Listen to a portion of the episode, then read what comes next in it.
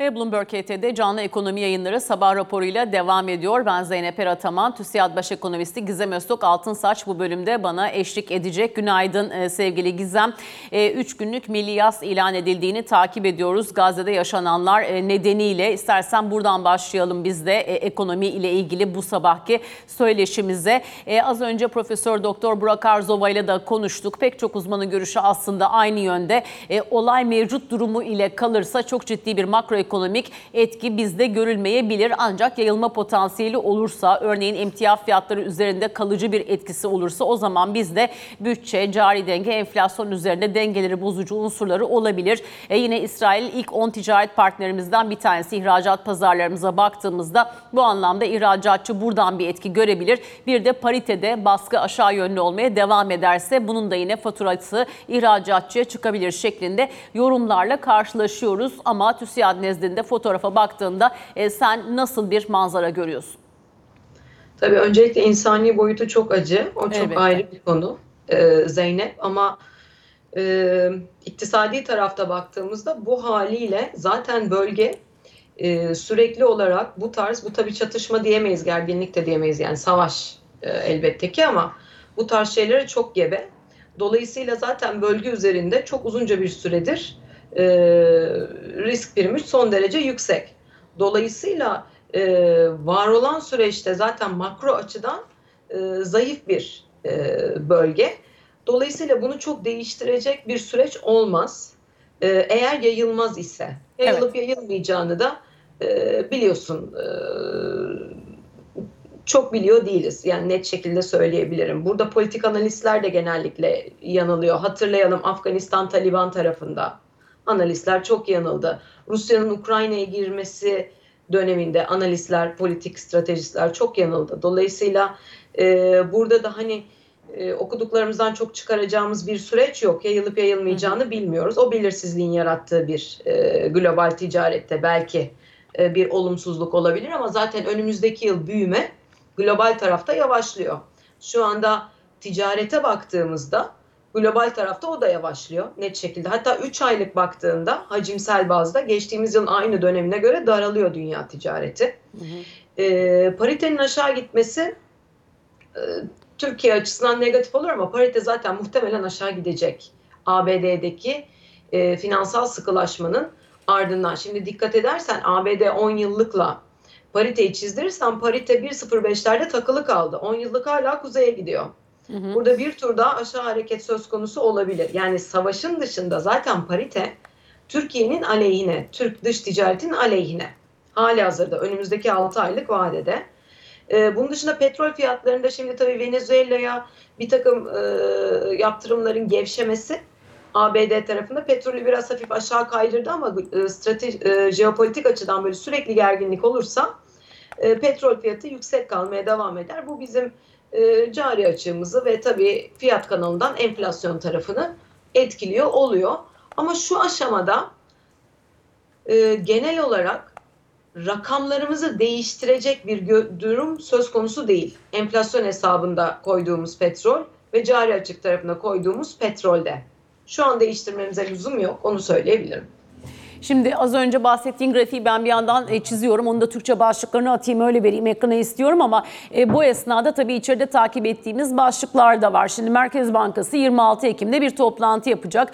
E, acaba burada bu gerilime ilişkin atıflarda bulunacak mı? Biraz daha beklemeyi mi tercih edecek? E, 500 bas puan mı faiz artırır? 250 bas puan mı faiz artırır? Burada biraz daha piyasadan farklı görüşler alıyoruz. Bugün Ekonomi Gazetesi'nin de yine kapak sayfasında vardı. Özellikle Haziran ve Maliye Bakanı Mehmet Şimşek'in reel faiz noktasına çok yaklaşıldığını söylemesi yüzünden acaba 500 kadar agresif olmayan bir faiz artırımıyla yola devam eder mi? Bunun tartışıldığı da bir güne uyandık. E, Merkez Bankası'ndan sen önümüzdeki süreçte neler beklersin Gizem?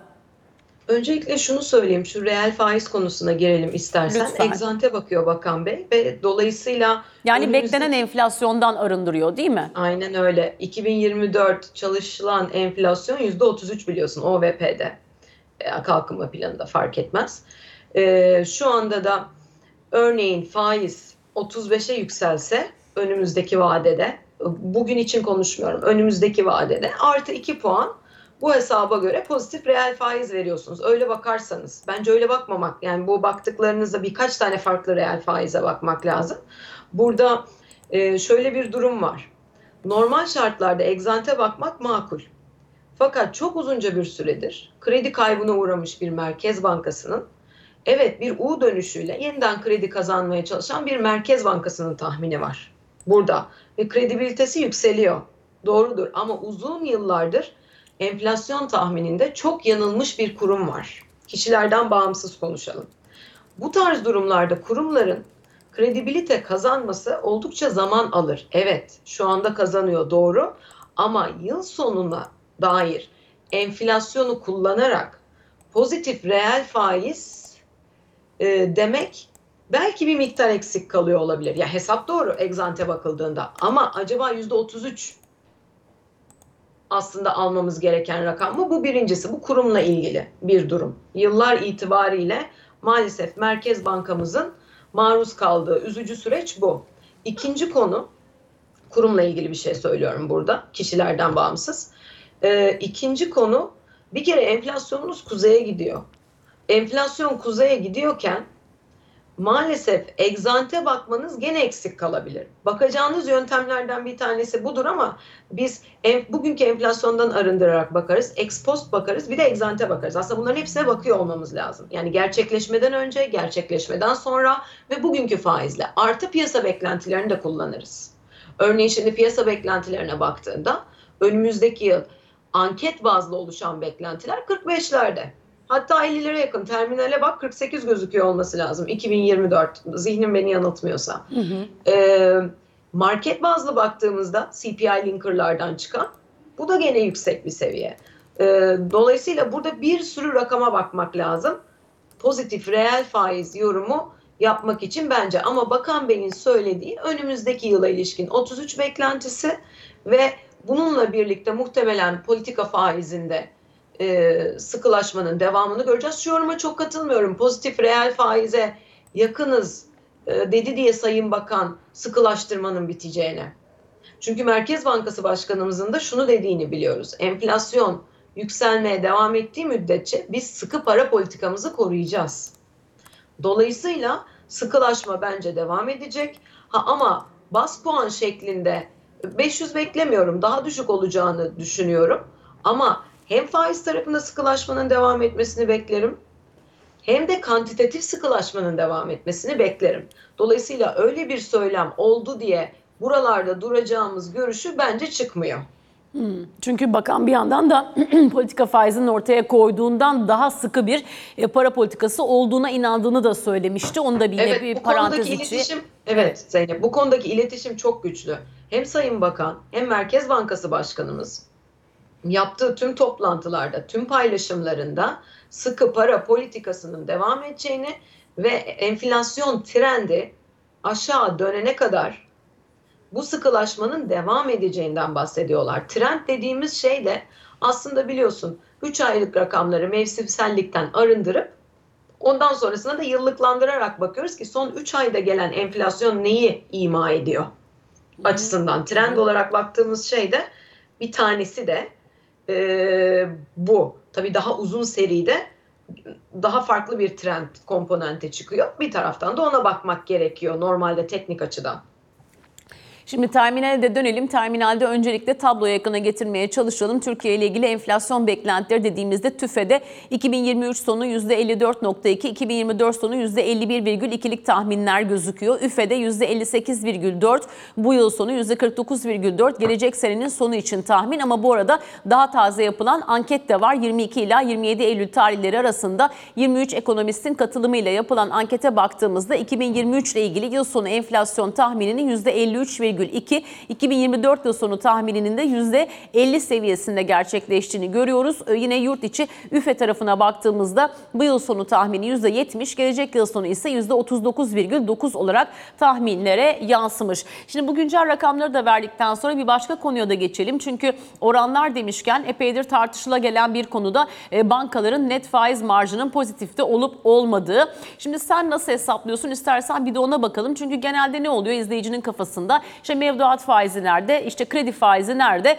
E, kredi faizi mevduatın üstünde olduğu zaman net faiz marşı pozitif diye bir e, fikir oluşuyor ister istemez. Ama tabii e, sadece faiz maliyeti buradan gelmiyor. Tahvil cephesi var vesaire. Bir de tabii o gösterilen tabeladaki orandan işlem geçiyor mu geçmiyor mu? Bu tarafa da herhalde bakmak lazım. E, sen nasıl görüyorsun şu anda bankalardaki durumu? Bir net faiz marjı pozitif e, durumu söz konusu mu? Evet net faiz marjı yavaş yavaş pozitife geçti. Onu söyleyebilirim. E, dolayısıyla kredi kanallarında da bir miktar açılma e, söz konusu. Biraz daha fiyat yükselmiş olsa bile Zeynep.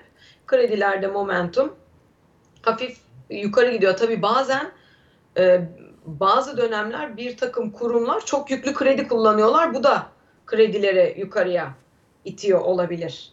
E, dolayısıyla bizim birkaç veriye daha bakmamız gerekiyor ve 13 haftalıktan ziyade biraz da 4 haftalıklara da bakıyor olmamız gerekiyor orada momentum hesabı yapan hani meslektaşlarım açısından e, bir görüş paylaşacak olursam e, nacizane. E, net faiz marjı hafif pozitife geçiyor ama dediğin gibi yani mevduat faizi şimdi fonlamanın bankanın fonlamasının kompozisyonuna bakmak gerekiyor. Artı bir de artan maliyetleri var ZK'lardan vesaire kaynaklanan.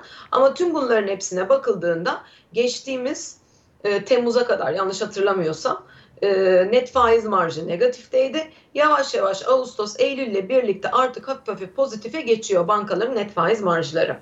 E, ben pozitifte de kalmasını beklerim ama tabii kayan pencere olarak yani mevduat faizi de yukarı, ticari kredi faizi de yukarı, tüketici kredi faizi zaten yukarı. Şimdi e, durum böyleyken bu hafta 3. çeyrek bilançolarını da almaya başlıyoruz. İstersen o tarafa da geçelim. Hem reel sektör hem de bankacılık sektörü açısından 3. çeyrek nasıl geçti ve 4. çeyrekle ilgili beklentiler nasıl oluşturulur? Şimdi genel itibariyle e, ekonomide bir miktar yavaşlama oluyor, olacak e, Zeynep. Dolayısıyla giderek karlılıkların biraz daha hafiflediği bir sürece doğru ilerliyoruz. Dolayısıyla sadece 3. çeyrek veya 4. çeyrek olarak değil, bundan sonrasına bence bir trend olarak da bakmak gerekiyor. 2024 yılında bir yavaşlama olacak. Bak ciro büyümesi de yavaşlıyor örneğin. E, karlılıklar da ister istemez. Tabii bazı şirketler ayrı ama yavaşlıyor olacak. Artı e, sermaye ihtiyacının da arttığı bir süreç olacak. Dolayısıyla genel itibariyle karlılıkların yavaşladığı bir sürece gir girdik zaten. Girdik. Devamı da gelecek. Şimdi e, hal böyleyken az önce bir miktar para politikasından bahsettik. Tabii enflasyonist ortamda zaman zaman işte banka bilançolarını belki şişirdi. Buradan vergi gelirlerinin artışlarında rekorlar gördüğümüz bütçe rakamları da söz konusu olmuştu geçen çeyreklerde. E, biraz da istersen maliye tarafını ele almaya çalışalım. Önümüzdeki süreçte Merkez Bankası'nın enflasyonla mücadele etmek için attığı adımlarda maliyenin eş güdümü nasıl e, şekillenecek? Hem bu yılın son çeyreğine artık girdik. Oradan beklentilerini sorayım. Hem de 2024 bütçesi de e, açıklandı açıklandı. E, burada da orta vadeli programa paralel bir görünüm olduğunu anlıyoruz. E, Merkez Bankası'nın enflasyonla mücadelesinde e, buradan destek geleceğini düşünmek gerekir mi? Tutarlı ve erişilebilir buluyor musun bütçe rakamlarını?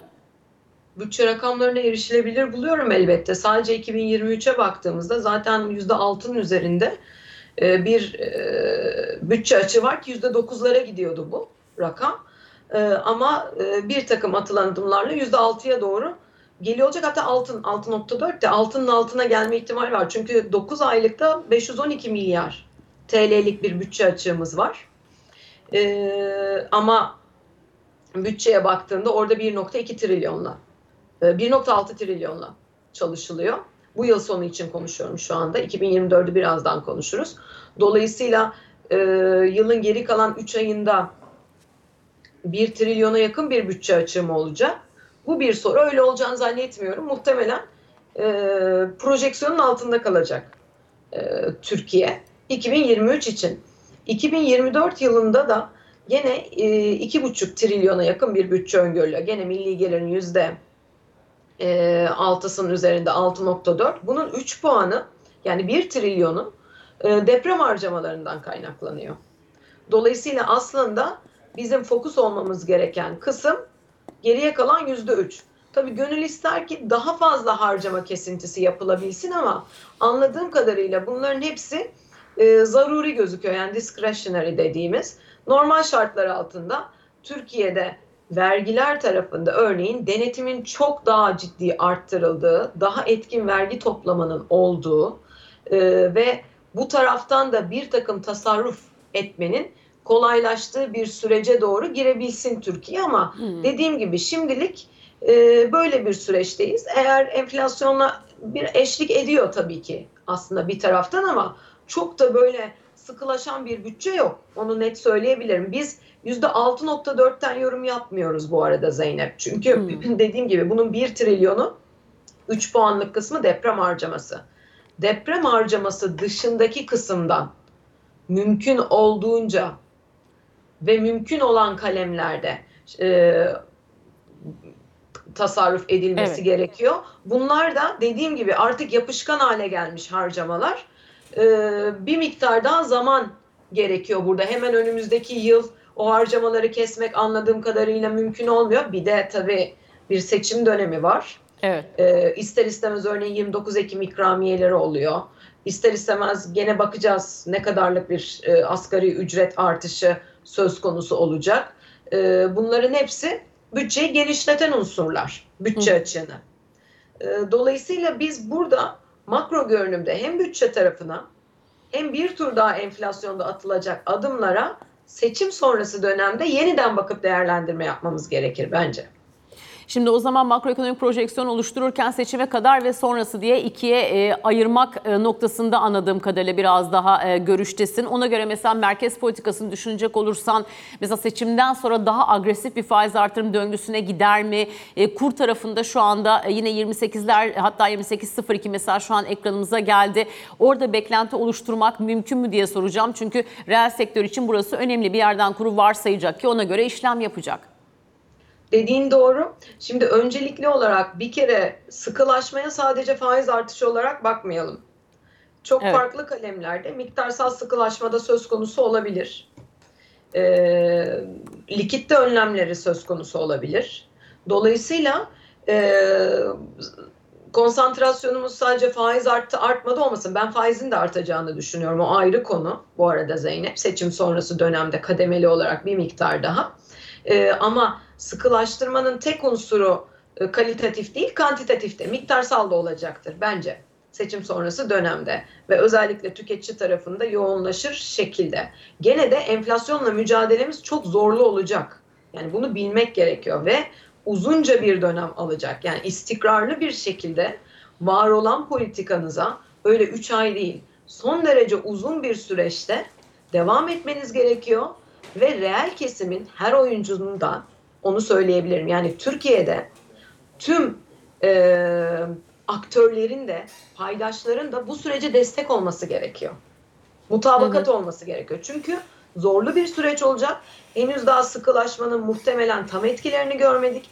Etkilerini görmeye başladığımızda daha zor olacak.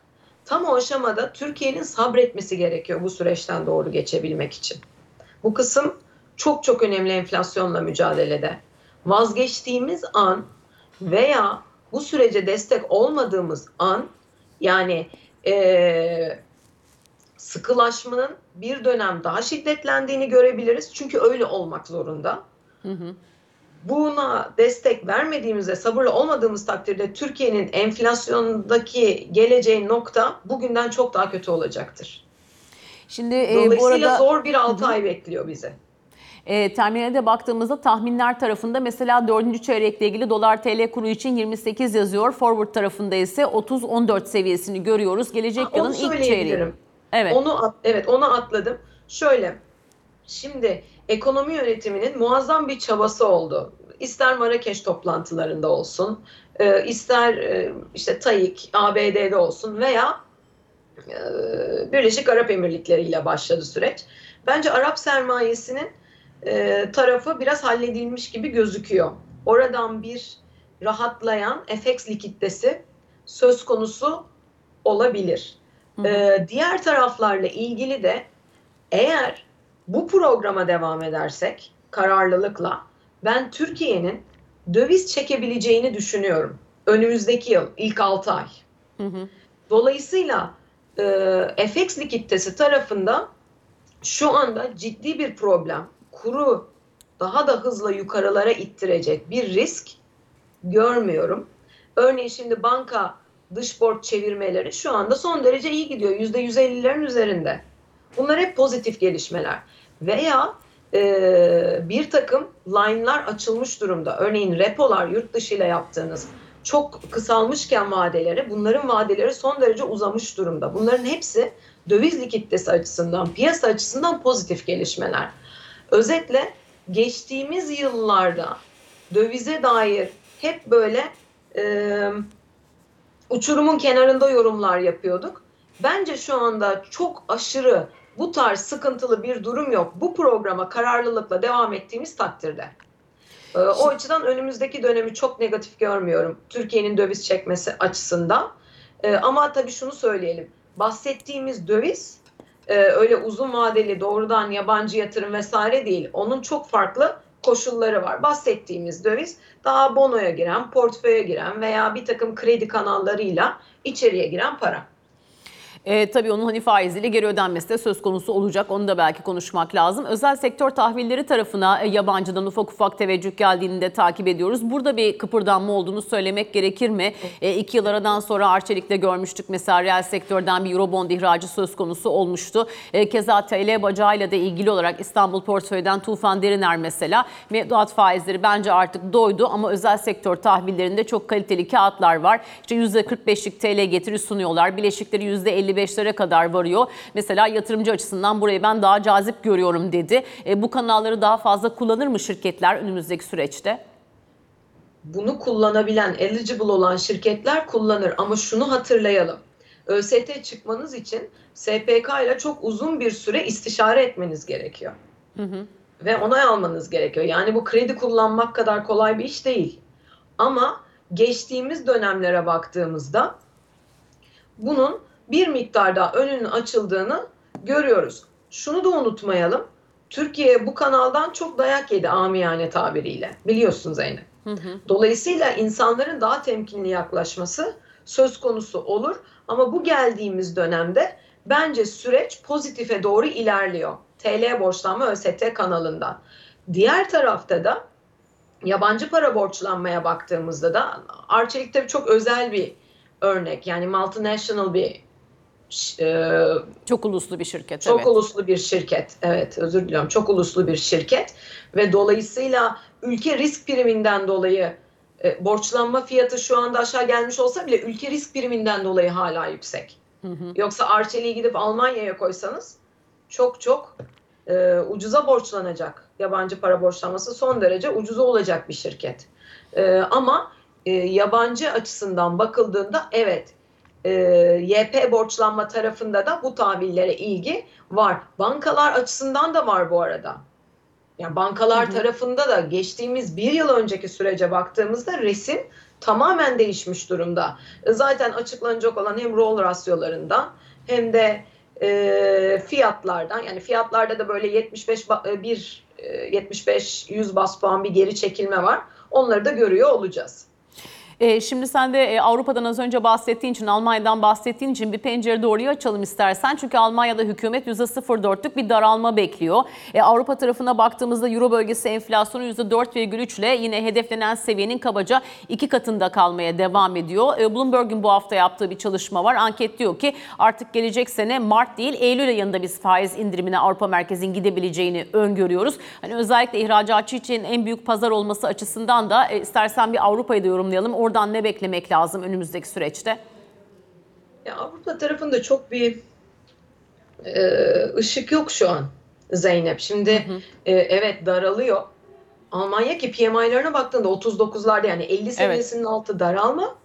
39'larda son derece düşük bir yerde. Almanya, evet. Avusturya en e, kötüleri o evrende. E, şimdi önümüzdeki yıla dair yapılan tahminlerle Dünya Bankası, OECD, IMF Örneğin Avrupa bu yıl 0.5'lerde büyüyorsa önümüzdeki yıl birlere doğru bir büyüme, 0.9'lar civarında birlere doğru bir büyüme bekleniyor. Ee, keza Almanya'da önümüzdeki yıl pozitife geçmesi bekleniyor. Ben emin değilim. Avrupa'nın zayıf kalacağını büyüme açısından beklerim. Ee, çünkü hem Rusya-Ukrayna savaşından arta kalanlar hem içeride e, son derece yaşlı e, bir nüfus, çok katı yani esnek olmayan bir ECB politikası e, gibi bankacılık tarafında ayrı problemleri var gibi pek çok sorunları var.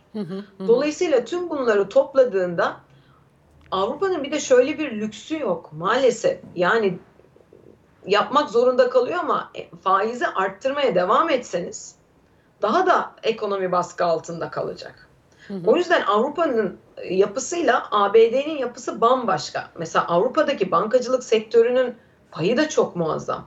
Dolayısıyla bunların hepsini topladığında e, ben Avrupa'nın işini e, biraz zor görüyorum. Türkiye'nin ihracat pazarları açısından da durum çok Türkiye lehine dönmüyor önümüzdeki yıl.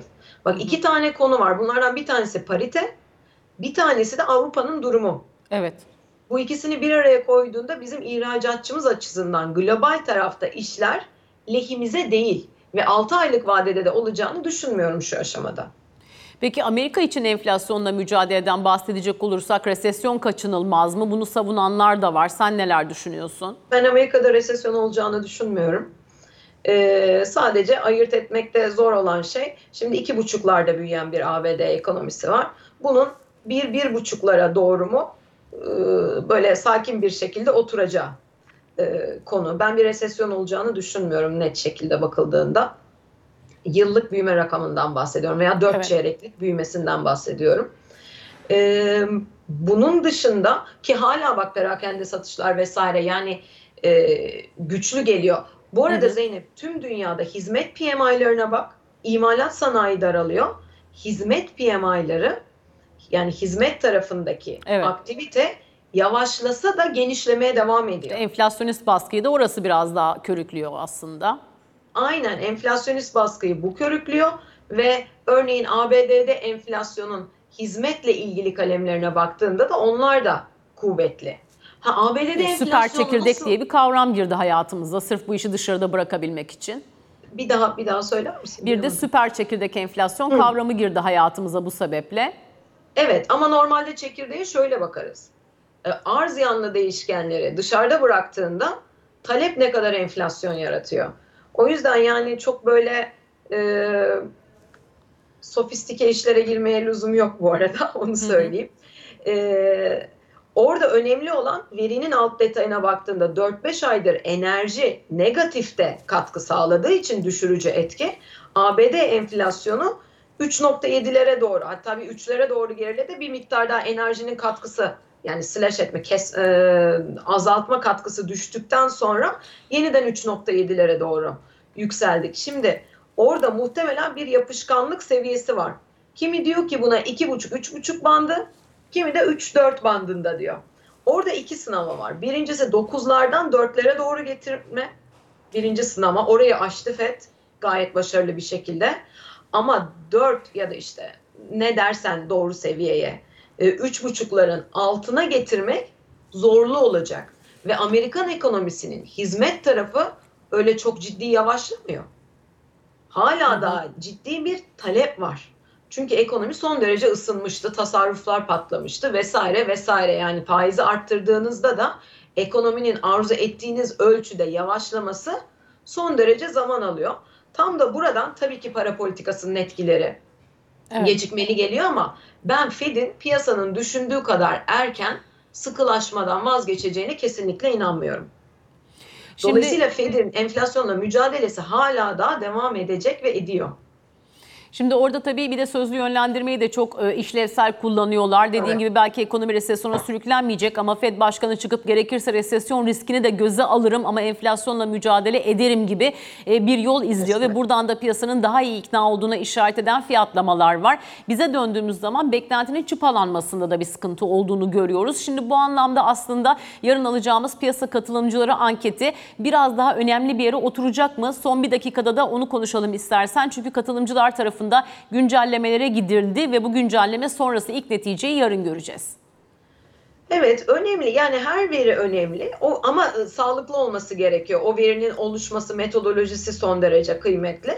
Ben listenin yenilenmesini elbette ki pozitif buluyorum. Baktığımız verilerden bir tanesi bu. Zaten data geldiğinde de bakacağız 12 aylıklar, 24 aylıklar nasıl hareket etmiş. E, bu açıdan elbette ki önemli ama e, ABD açısından bakıldığında oradaki metodoloji daha gelişmiş e, bir metodoloji. Onu net söyleyebilirim. Bir de orada e, farklı kurumların da oluşturdukları enflasyon e, beklentileri Tabii. var. E, Inflation Gauge Index vesaire bir sürü farklı endeksler var ama elbette ki önemli ona da bakacağız. Evet orada da mesela New York Fed'in kendi araştırması var. Michigan Üniversitesi'nin tüketici Aynen. güvenindeki alt kalemlere bakıyoruz vesaire. TÜSİAD Baş Ekonomisti Gizem Öztok Altınsaç çok teşekkür ederiz bu sabah bilgilendirici sohbetinle bizimle olduğun için. Kısa bir reklam arası veriyoruz efendim.